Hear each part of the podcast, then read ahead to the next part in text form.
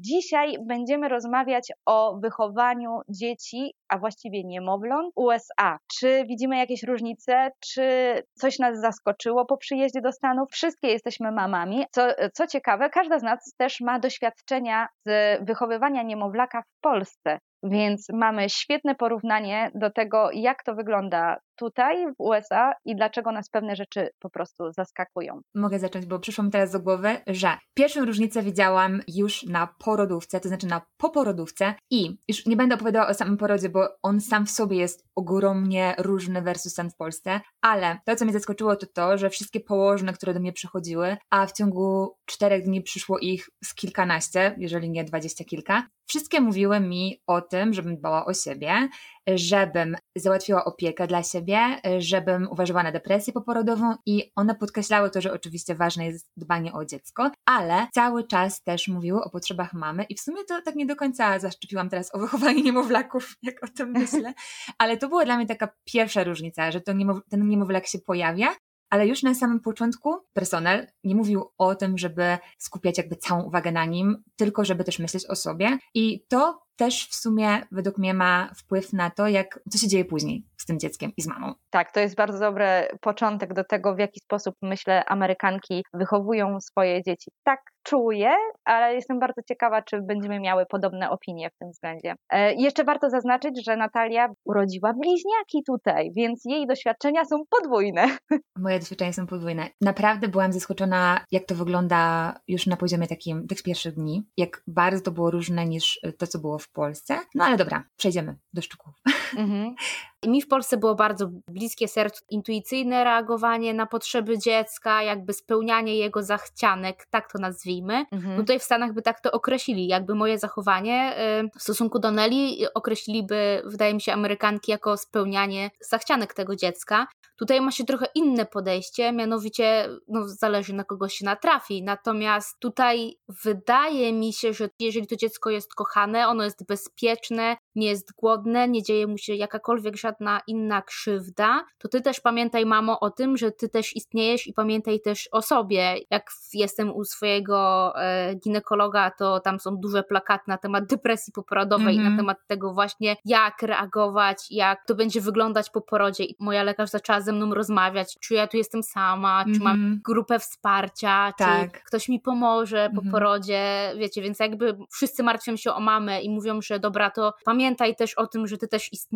Mhm. mhm. Natomiast właśnie jeżeli chodzi o takiego malucha, pamiętając o swoich takich przygodach, które miałam z Nelą, z usypianiem, ze spaniem, nie chciałam mieć tych samych problemów i zaczęłam jakoś szukać literatury, różnych profili. Ja już z przyzwyczajenia wpisuję jakieś hasła automatycznie po angielsku do, do Google'a i wyskakują mi strony amerykańskie z poradami. Natrafiłam na tą ciekawostkę, mianowicie o treningu z usypiania dziecka to już słyszałam w Polsce i ten trening usypiania dziecka w Polsce to był taki dla mnie przerażający, bo on polegał na tym, że zostaw dziecko w pokoju, ono będzie płakać, wróć po dwóch minutach, później wyjdź, wróć po pięciu, w ogóle nie podnoś tego dziecka. Mówię, no nie, no nie, taka tresura takich piesków, ja dziękuję, ja tego nie będę robić.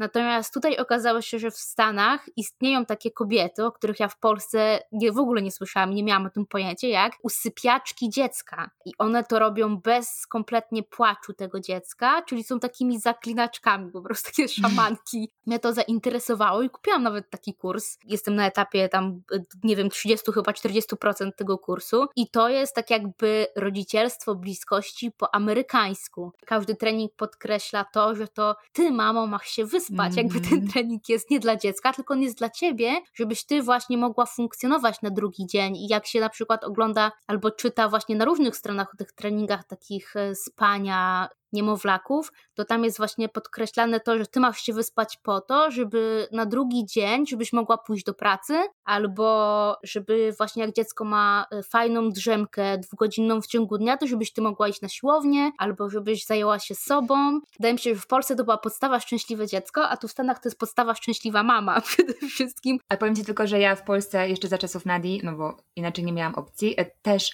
pracowałam, współpracowałam z trenerką snu, która była właśnie szkolona w Stanach, więc u nas na pewno teraz jest już więcej um, takich kobiet, ale wtedy no to było ile? Pewnie na palcach jednej ręki można było policzyć. Teraz jest już więcej, zresztą przy bliźniakach też się kontaktowałam z jedną z takich pań, um, więc no właśnie, ale obie były szkolone w Stanach. Tak właśnie jak sobie rozmawiałam z mężem na ten temat, to właśnie doszliśmy do takiego wniosku, że właśnie to jest dlatego, że w Polsce to jak pracujesz, to masz w zależności od tego, co tam sobie wybierzesz, no ale jest pół roku albo jest cały rok zwolnienia macierzyńskiego, który masz cały rok płatny i cały rok siedzisz sobie w domu i możesz poświęcić 100% uwagi temu dziecku. Natomiast tutaj w Stanach nie ma takiego luksusu. Dokładnie, to jest Eldorado w Polsce.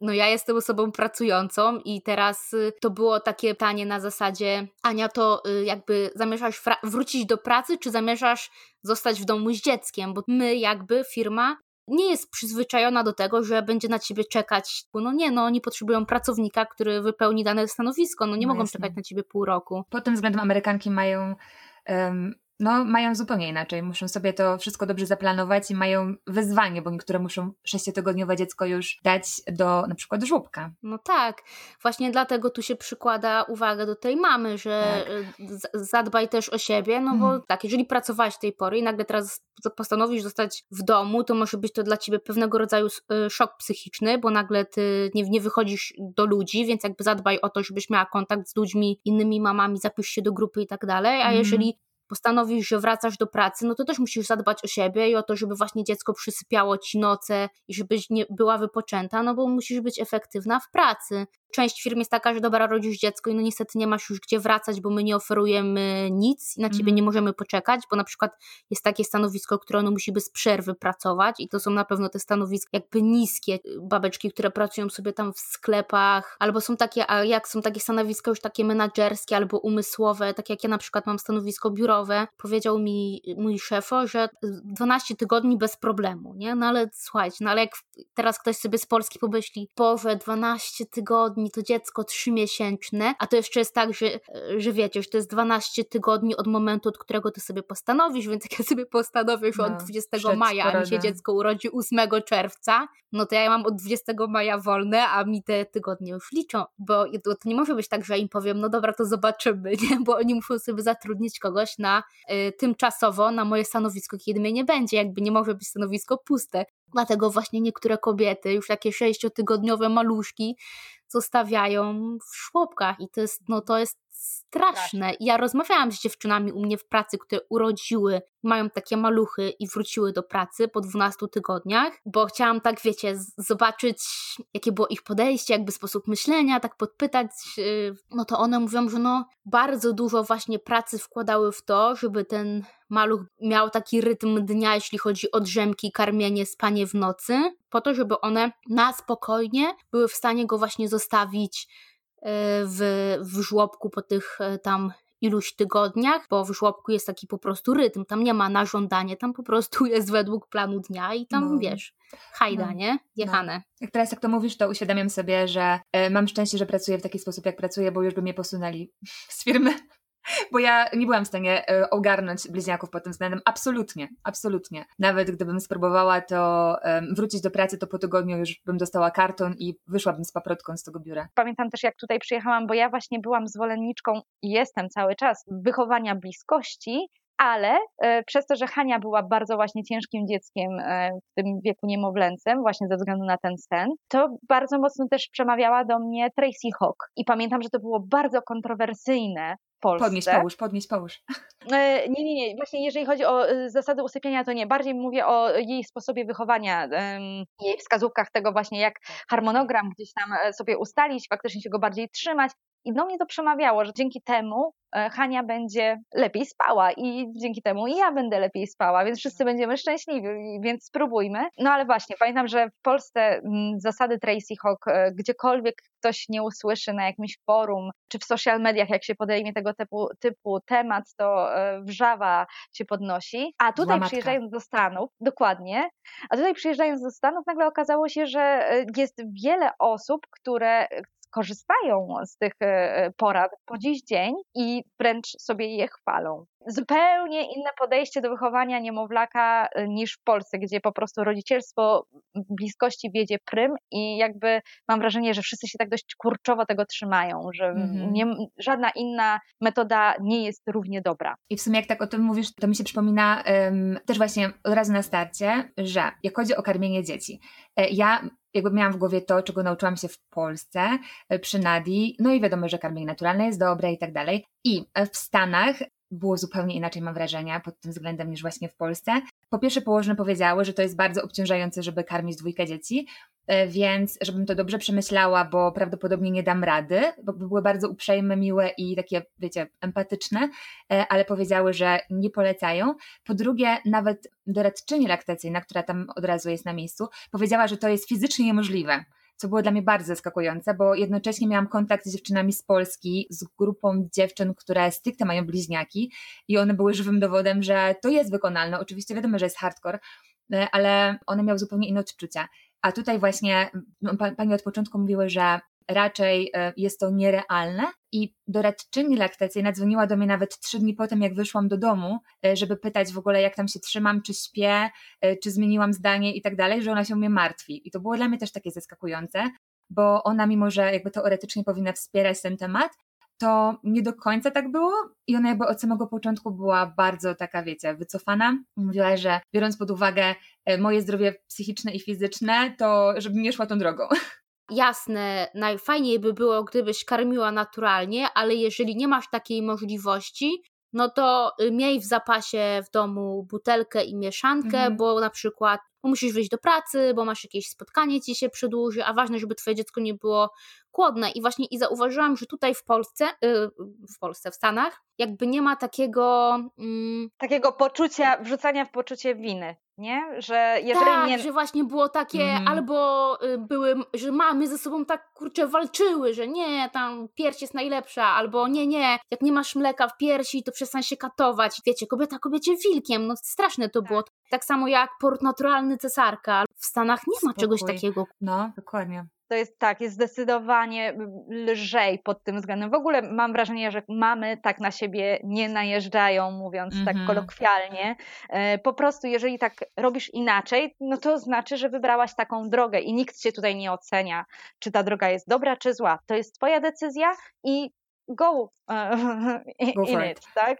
No, dokładnie. It, dokładnie. Ale faktycznie tak jest. I wiecie co, ja miałam takie, taki dysonans, jak e, byłam jeszcze w ciąży i byłam jednocześnie na amerykańskim forum Mam Bliźniaków i na polskim forum Mam Bliźniaków. I to był dla mnie totalny kontrast, bo na amerykańskim forum dziewczyny były takie właśnie mega wspierające, wręcz czasami aż do przesady, na zasadzie, że pytały się o coś, a one zawsze na początku pisały kilka słów wsparcia, a dopiero potem odpowiadały na pytanie, a na tym polskim czasami strach było o coś zapytać. Oczywiście wiadomo, tam, tam też są super dziewczyny, nie chcę uogólniać, bo ja akurat nie jestem jakoś super zakochana w Stanach, ale pod tym względem uważam, że naprawdę bardzo duży kontrast. Nigdy mi się nie zdarzyło, o cokolwiek mnie zapytała, żeby ktoś mnie zjechał albo żeby zrobiła się jakaś zawierucha w tych komentarzach. To mhm. prawda. Amerykanki mają takie podejście, że one nie mają prawa wtrącać się do tego, yy, jakie ty podjęłaś decyzje, czy ty będziesz karmić piersią, czy ty miałaś cesarkę, czy ty mm. w, właśnie wkładasz w chodzik, czy, czy ty nosisz dziecko, czy wozisz w wózku i tak dalej, i tak dalej, więc jakby no nie właśnie. ma takiej oceny. Ja, ja nie wiem, jak, co to się dzieje za zamkniętymi drzwiami, może przyjdą do domu i tam powiedzą do męża, ale ta Jane to jest tam, Albo ta dziwna co ona robi z tym dzieckiem. Ta dziwna z Polski. Albo o, te dziwne no. babki z Polski w ogóle, co one mają w głowie? Mają dziwne wózki. Laski, jedźmy z tym. O, właśnie. to mają dziwne wózki. Jeszcze chciałam, bo w pracy, chciałam powiedzieć, że w pracy mi koleżanka powiedziała, że y, właśnie mój szef się tak stresował właśnie do kiedy ja zostanę, czy ja podejmę decyzję, że wracam do pracy, czy nie wracam do pracy, a moja koleżanka mówi, E, powiedziała mu, no bo w Polsce mają e, rok wolnego, a on w ogóle zrobił takie wielkie oczy i tak, what? I jeszcze, i jeszcze macie płacić przez ten rok, przepraszam. A jeszcze no właśnie, właśnie, jeszcze płatną i tak, on tak taki był zestresowany, że mówię, ja nie wiem, nie znam obyczajów tu w Stanach i że będę też chciała mieć nagle rok wolnego. Jakby mi dał, to bym wzięła, nie? Ale wiesz, nie dał. Wiesz ale jedźmy właśnie z tymi wózkami, bo ja jestem na etapie wyprawki i nie wiedziałam o tym, że będę miała taki problem z kupnem niektórych rzeczy. Znaczy niektóre rzeczy mi się bardzo podobają w amerykańskiej wyprawce, ale niektóre rzeczy to, y, to są po prostu, nie wiem, zaskakujące. Święte grale, jakby nie jest, są, ale ich nie ma. Nie widuje się wózka z gondolą. Jest i to biały Ja byłam kruk. w szoku. Tak, bez wózek z gondolą to jest biały kruk. To jest po prostu prostu coś niezwykłego tutaj w Stanach, żeby mieć wózek z gondolą. Jak pójdziesz do sklepu, to kupujesz sobie taki wózek spacerówkę i do tego jest y, adapter i y, fotelik samochodowy i to wszystko. Mm-hmm. I, I tyle. I ja mówię, no ale gdzie jest gondola? W ogóle byłam w szoku, przecież dziecko musi być wożone na płasko przez pierwsze tam 6 miesięcy, dopóki nie siada, a oni mi odpowiedzieli, że ale gdzie wożone? Bo ja mówię, no na, na spacerze, ale to jak długo ty zamierzasz być na tym spacerze? No ja mówię, nie wiem, godzinę? A oni tak, tak o, co ci, o co ci chodzi w ogóle? Czego ty szukasz? I, bo Amerykanie wszędzie przemieszczają się samochodem. Wózek musi im się też zmieścić do bagażnika i a jak oni się przemieszczają, to oni się nie przemieszczają na spacery z dzieckiem. Nie, to jest przemieszczają się, żeby zrobić coś, czyli przemieszczają się z dzieckiem po to, żeby zrobić zakupy, spotkać się ze znajomymi w knajpie, przejść się po parku, tam nie wiem, 15 minut, owszem, ale nie po to, żeby ubierać dziecko i wychodzić na spacer. Nie, to takie coś u nich nie istnieje. Ale wiesz co, wejdę ci w słowo, bo ja mm, pamiętam wiele takich sytuacji i tak, z jednej strony zgadzam się z mm, tą amerykańską, bo jakby mając Stefana, ja akurat zainwestowałam w gondolę i kupiłam ją dodatkowo do swojego wózka, bo miałam poczucie właśnie, że jest niezbędna i że absolutnie nie zgadzam się na żadne półkoliste plecki. Znaczy no, półkoliste są dobre, ale jakby no, generalnie no, fotelik samochodowy na godzinę to absolutnie wykracza poza moje pojmowanie i e, totalnie tego nie, nie jestem w stanie zrozumieć ale e, no właśnie, i prawda jest taka, że Amerykanki wożą wszędzie swoje dzieci w fotelikach samochodowych. I na przykład, jak mają dwójkę, to i jedno dziecko bawi się na placu zabaw, a drugie jest niemowlakiem, to ono w tym foteliku sobie jest przez godzinę, dwie nawet, mm. a nawet i dłużej. Potrafi być w trzy godziny, no bo przecież jeszcze trzeba dojechać, e, więc to dziecko nie jest wyjmowane z tego fotelika, tylko ono sobie tam siedzi. Znaczy, może być wyjmowane na 10-15 minut, ale jakby generalnie czas przebywania tego dziecka w tym foteliku samochodowym jest naprawdę bardzo długi. Ale przyznaję też, że e, tak na dobrą sprawę przy Stefanie bardzo mało korzystałam z tej gondoli, bo nagle okazało się, że e, ja z dwójką dzieci na placu zabaw e, z tak małym Stefankiem, to najchętniej Stefanka w chustę, a nie wcale w gondoli. I jeżeli na, na spacer, to okej, okay, jak miałam gondolę, no to już nie korzystałam, więc chodziłam faktycznie z tym wózkiem po osiedlu naszym i z Hanią, więc sprawdziło się. Tak naprawdę, jeżeli chodzi o ten samochód i zabieranie tej gondoli wszędzie ze sobą, było totalnie bez sensu. E, I mm. faktycznie w takich sytuacjach wolałam go mieć w tym foteliku samochodowym przez ten czas, kiedy gdzieś potrzebuję coś załatwić, niż po prostu wypakowywać go dodatkowo do tej gondoli. A że w Stanach jeździ się wszędzie, ale to wszędzie. To nie jest tak jak w Polsce, że po prostu e, my wychodzimy sobie z tym wózkiem i idziemy z dzieckiem do sklepu na przykład, tylko po prostu my musimy wsiąść do tego samochodu, więc w rezultacie ten fotelik samochodowy naprawdę jest tutaj tak naprawdę niezbędny, a ta gondola to jest takie trochę e, burżujstwo. Tak mi powiedziała koleżanka Amerykanka, bo ja się w końcu spytałam mojej koleżanki Amerykanki. Ja mówię, słuchaj, bo my w Polsce wozimy e, w, w gondoli dzieci przez pierwsze sześć miesięcy, jak wychodzimy na, z dzieckiem na spacer. Ona mówi, wiesz co, tutaj jak ktoś ma gondolę, to gondola jest po prostu tylko for fashion, ona mi tak powiedziała, że to jest, hmm. że tak właśnie kupujesz dla wyglądu, a że ona jest nieużyteczna totalnie, bo tak jak powiedziałaś Kasia, bo to nie jest tak, że my sobie, dobra, ubierzemy dziecko, idziemy na spacer, a zejdziemy sobie przy okazji tam do pani z warzywniaka, po bułeczki, do piekarni i tak mhm. dalej. No nie, no nie ma czegoś takiego. W Stanach musisz wszędzie dojechać autem, Myśmy kupili gondolę, ale mi ona była potrzebna do biegania stricte, e, bo mm, tylko wtedy była szansa, że dzieciaki pośpią, więc faktycznie używaliśmy, ale znaleźć wózek, który będzie biegowy i który będzie miał opcję dwóch gondoli, to było praktycznie niemożliwe. Myśmy znaleźli dwa modele koniec końców, oczywiście nie um, amerykańskiej produkcji, więc musieliśmy dopłacić, bo nawet jeżeli um, jedna część mogła być zmieniona w gondolę, to druga już nie, więc była tylko opcja na to, że na przykład jedno dziecko e, leży na płasko, a drugie musiało być co najwyżej najwyżej w foteliku samochodowym.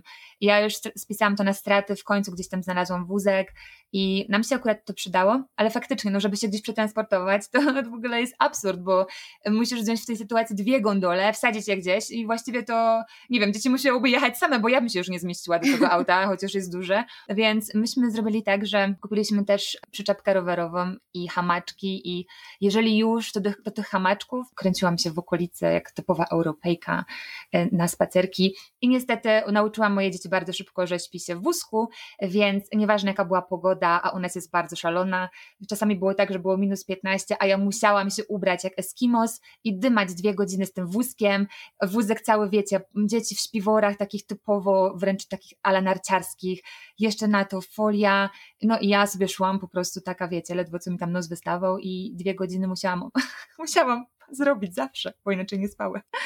Pomijając jeszcze fakt, że te gondole to jest wartość jednej trzeciej albo nawet jednej drugiej wózka. No, drogie Bo tak jak w Polsce, nie wiem teraz ile kosztują wózki w tym momencie, no ale powiedzmy, że wózek w Polsce będzie kosztował 2000 zł plus gondola tam 250 na przykład, nie? A w Stanach jest tak, że wózek kosztuje 600 y, dolarów, a jak chcesz wózek z, gondolą, z gondolą, no to płacisz już tysiaka, jak nie więcej. Dlatego ta gondola dla nich to jest for fashion, no bo stwierdzają, że jak ktoś jeździ z wózkiem z gondolą, to znaczy, że chyba ma za dużo siana, no i, i po prostu i sobie w tą gondolę zainwestował, więc my robiąc wyprawkę, to zrezygnowaliśmy z wózka na razie w ogóle i kupimy później taki wózek właśnie sobie trekkingowy, jak już dziecko będzie miało tam, nie wiem, 6-7 miesięcy, będzie już siadać i, i, to będzie taki wózek po to, żebyśmy też y, mogli sobie pojechać nad, tutaj nad Tacho, nad jezioro i sobie tam połazić, w którym możesz iść na szlak, to nie będzie taki y, wózek do, do, do miasta na spacery. Jedna rzecz, która mnie osobiście bardzo zaskoczyła,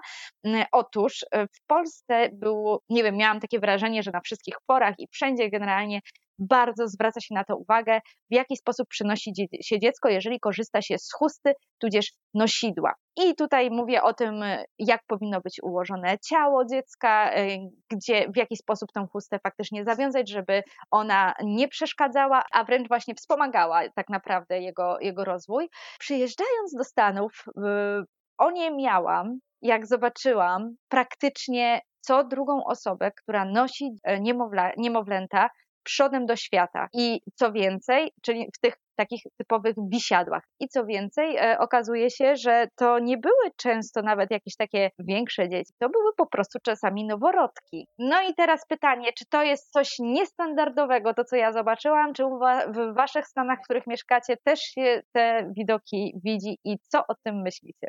Mnie to nie zaskakuje, jak wchodzę do sklepu i widzę te małe niemowlaki, bo to widać, że to jest niemowlę takie, że to dziecko ma kilka tygodni, że ona nawet nie ma miesiąca. Ja widzę, jak ta głowa im leci w tych wszystkich wisiadłach takich, że te nogi po prostu prosto jak druty. Mhm. Ja nie mogę na to patrzeć, bo ja bym, bo mnie tak ciśnie, żeby im zwrócić uwagę, bo żeby właśnie tak, że proszę nie noś tak tego dziecka, bo robisz mu krzywdę.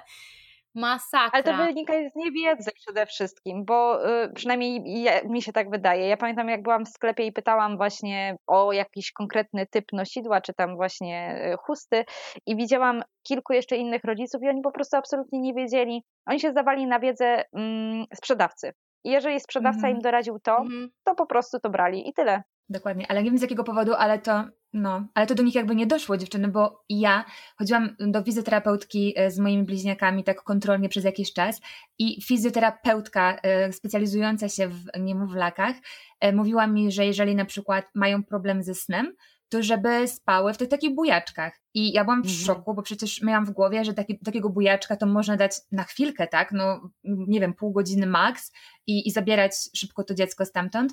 E, a potem jak rozmawiałam z dziewczynami na forum e, tych mam bliźniaków, zawsze tam z nimi nawijałam o wszystkim, to one mówiły, że ich dzieci śpią tam na przykład całą noc. I niektóre mm, opowiadały nawet, że przez pierwsze 6 miesięcy, 7, 8, ten taki najtrudniejszy okres, ich dzieci spały normalnie całą noc w tych bujaczkach, one włączały ten tryb, wiecie, tu kołysanka, tutaj biały szum, tutaj jakiś tam y, powiew lasu, szum lasu, coś tam.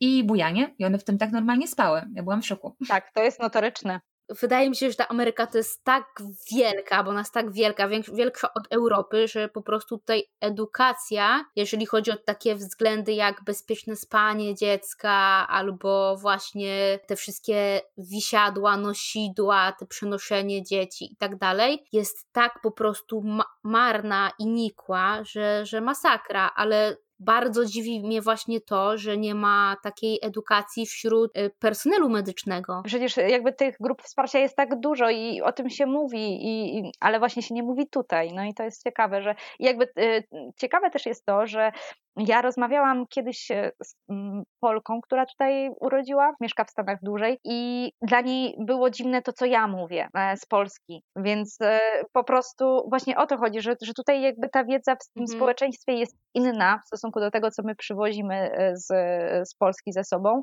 A nawet mam właśnie taką najbliższą mi koleżankę tutaj, która też rodziła kilka lat temu i ona też już mieszka w Stanach dłużej i jak była w ciąży, jak słyszała o tych zasadach, które są w Polsce, to ona znowu się śmiała na te e, polskie zasady, na zasadzie, że kurczę, no restrykcje posunięte czasami w ogóle do granic możliwości i właśnie takie mhm. ocenianie drugiego człowieka i w ogóle takie jakby, że matka w pewnym momencie gubi się w tym, co jest dobre, co jest złe, bo po prostu tyle rzeczy jest tak. niedobrych i tyle rzeczy się nie powinno, że w pewnym momencie masz, tracisz ten instynkt macierzyński i masz takie tak. poczucie, że kurczę, czy ja oby na pewno nie, y, jakiejś zasady nie łamię w tym momencie, czy ja czasem nie skrzywdzę mojego dziecka robiąc to, to i tamto.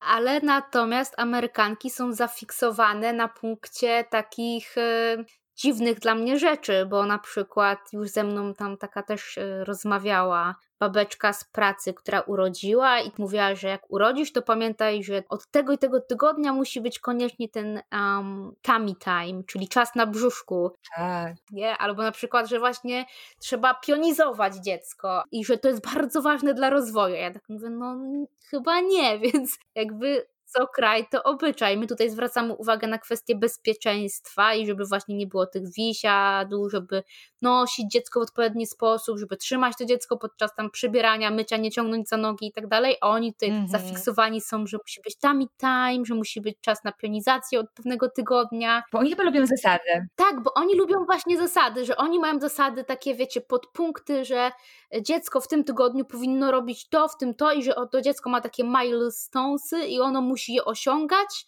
mhm. i że jak nie osiąga tych, y, tych kamienic swoich milowych, to wtedy o, tragedia, coś się dzieje, nie? Mhm. Więc y, bardzo lubią zasady i oni lubią jakby odhaczać sobie kolejne osiągnięcia tych dzieci, że dziecko musi po prostu teraz y, w tym tygodniu robić to.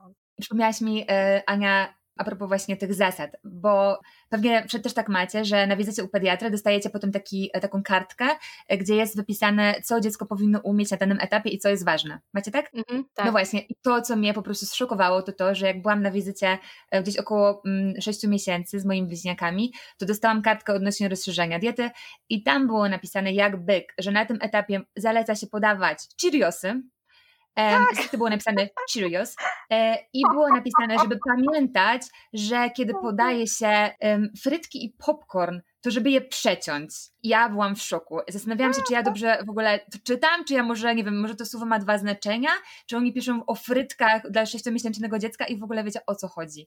I to mi normalnie dała lekarka y, i to jest to, co oni tak propagują. Tam było jeszcze kilka innych produktów, już nie pamiętam jakich, ale pamiętam, że właśnie był popcorn, frytki i no Cheeriosy. Tak. I oczywiście serżuty, no ale to jeszcze jakby okej, okay, chociaż ten serżut w Stanach bywa różny, więc jak ja widzę czasami ten taki najbardziej popularny, marketowy cheddar, chyba taki pomarańczowy, który nie ma mhm. żadnych dziur, tylko jest takim jakimś dziwnym kwadratem, to mm, nie wiem, czy to jest dobry produkt dla dziecka. W każdym razie to był dla mnie szok, no ale oni właśnie mają takie standardy.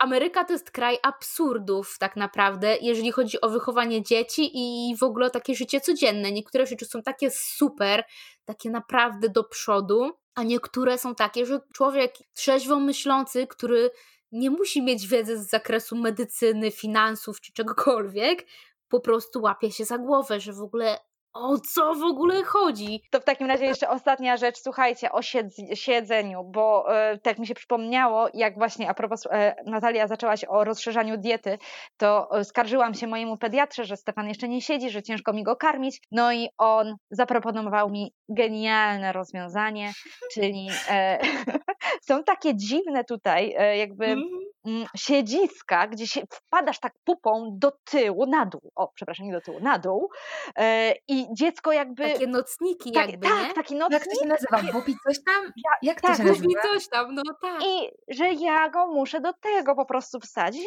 on to po prostu bez problemu zje.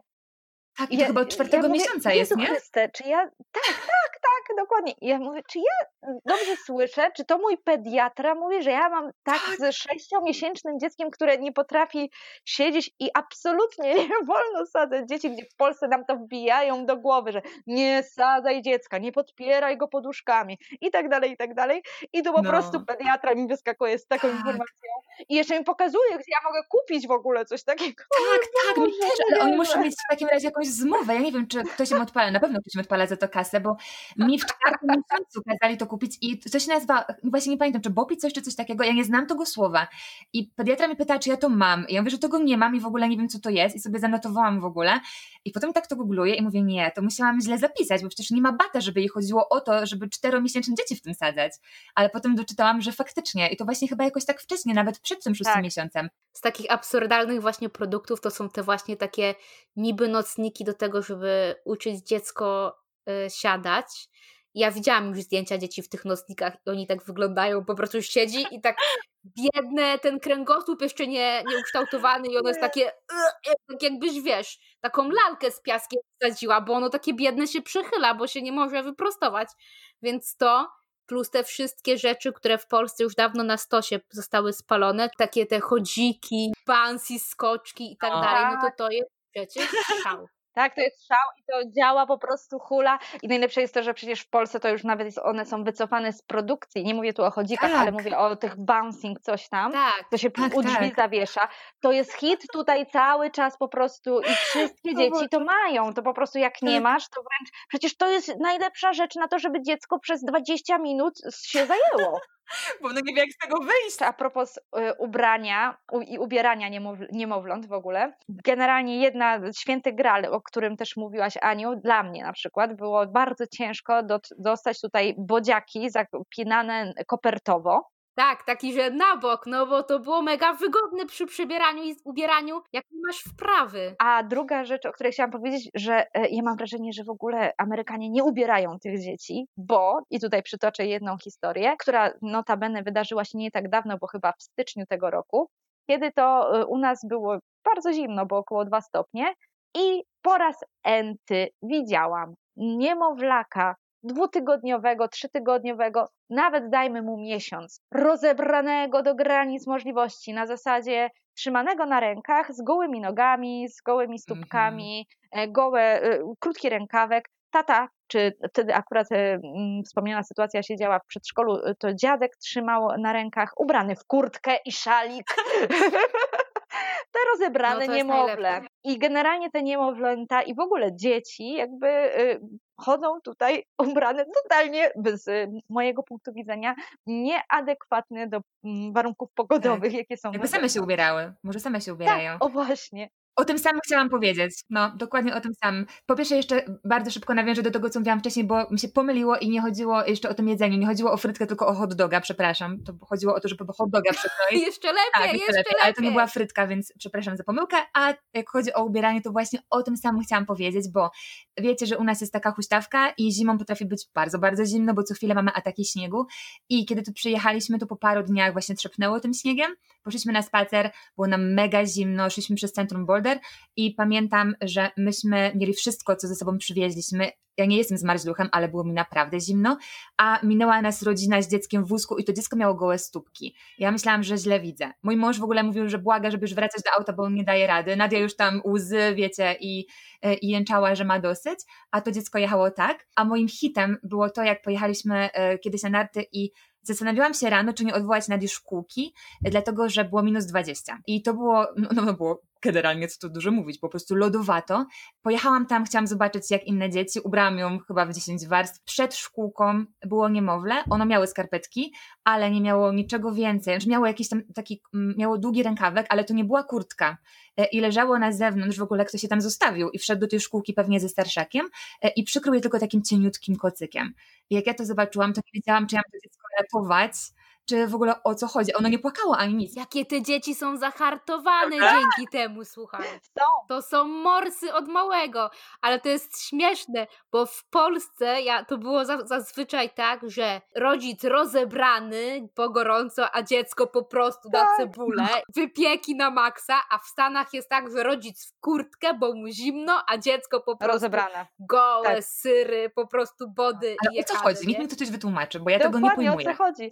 I jest jeszcze kolejna rzecz. Ja na przykład mam wrażenie, że my na przykład z Olkiem jak, i w ogóle cała nasza rodzina, ilekroć wychodzi na spacer, to ja mam wrażenie, że już zaczną nas naprawdę wytykać palcami, bo, bo my za każdym razem jesteśmy ubrani do, ni- u nich, jakby była jakaś Syberia albo najgorsza zima szła. Na przykład e, 10 stopni ostatnio. No i my oczywiście, wiecie, kurtki, wszystko po, pozakładane, no jakby no 10 stopni, zimny wiatr i tak dalej, a ludzie po prostu jakby zupełnie zapomnieli sprawdzić temperaturę, wychodzą z domu w klapkach, w krótkich spodenkach, dziewczynki w sukienkach letnich i to jest standard, to jest po prostu, to nie jest nic nadzwyczajnego i to my za każdym razem wyglądamy dziwnie na ich tle, więc to jest po prostu szok.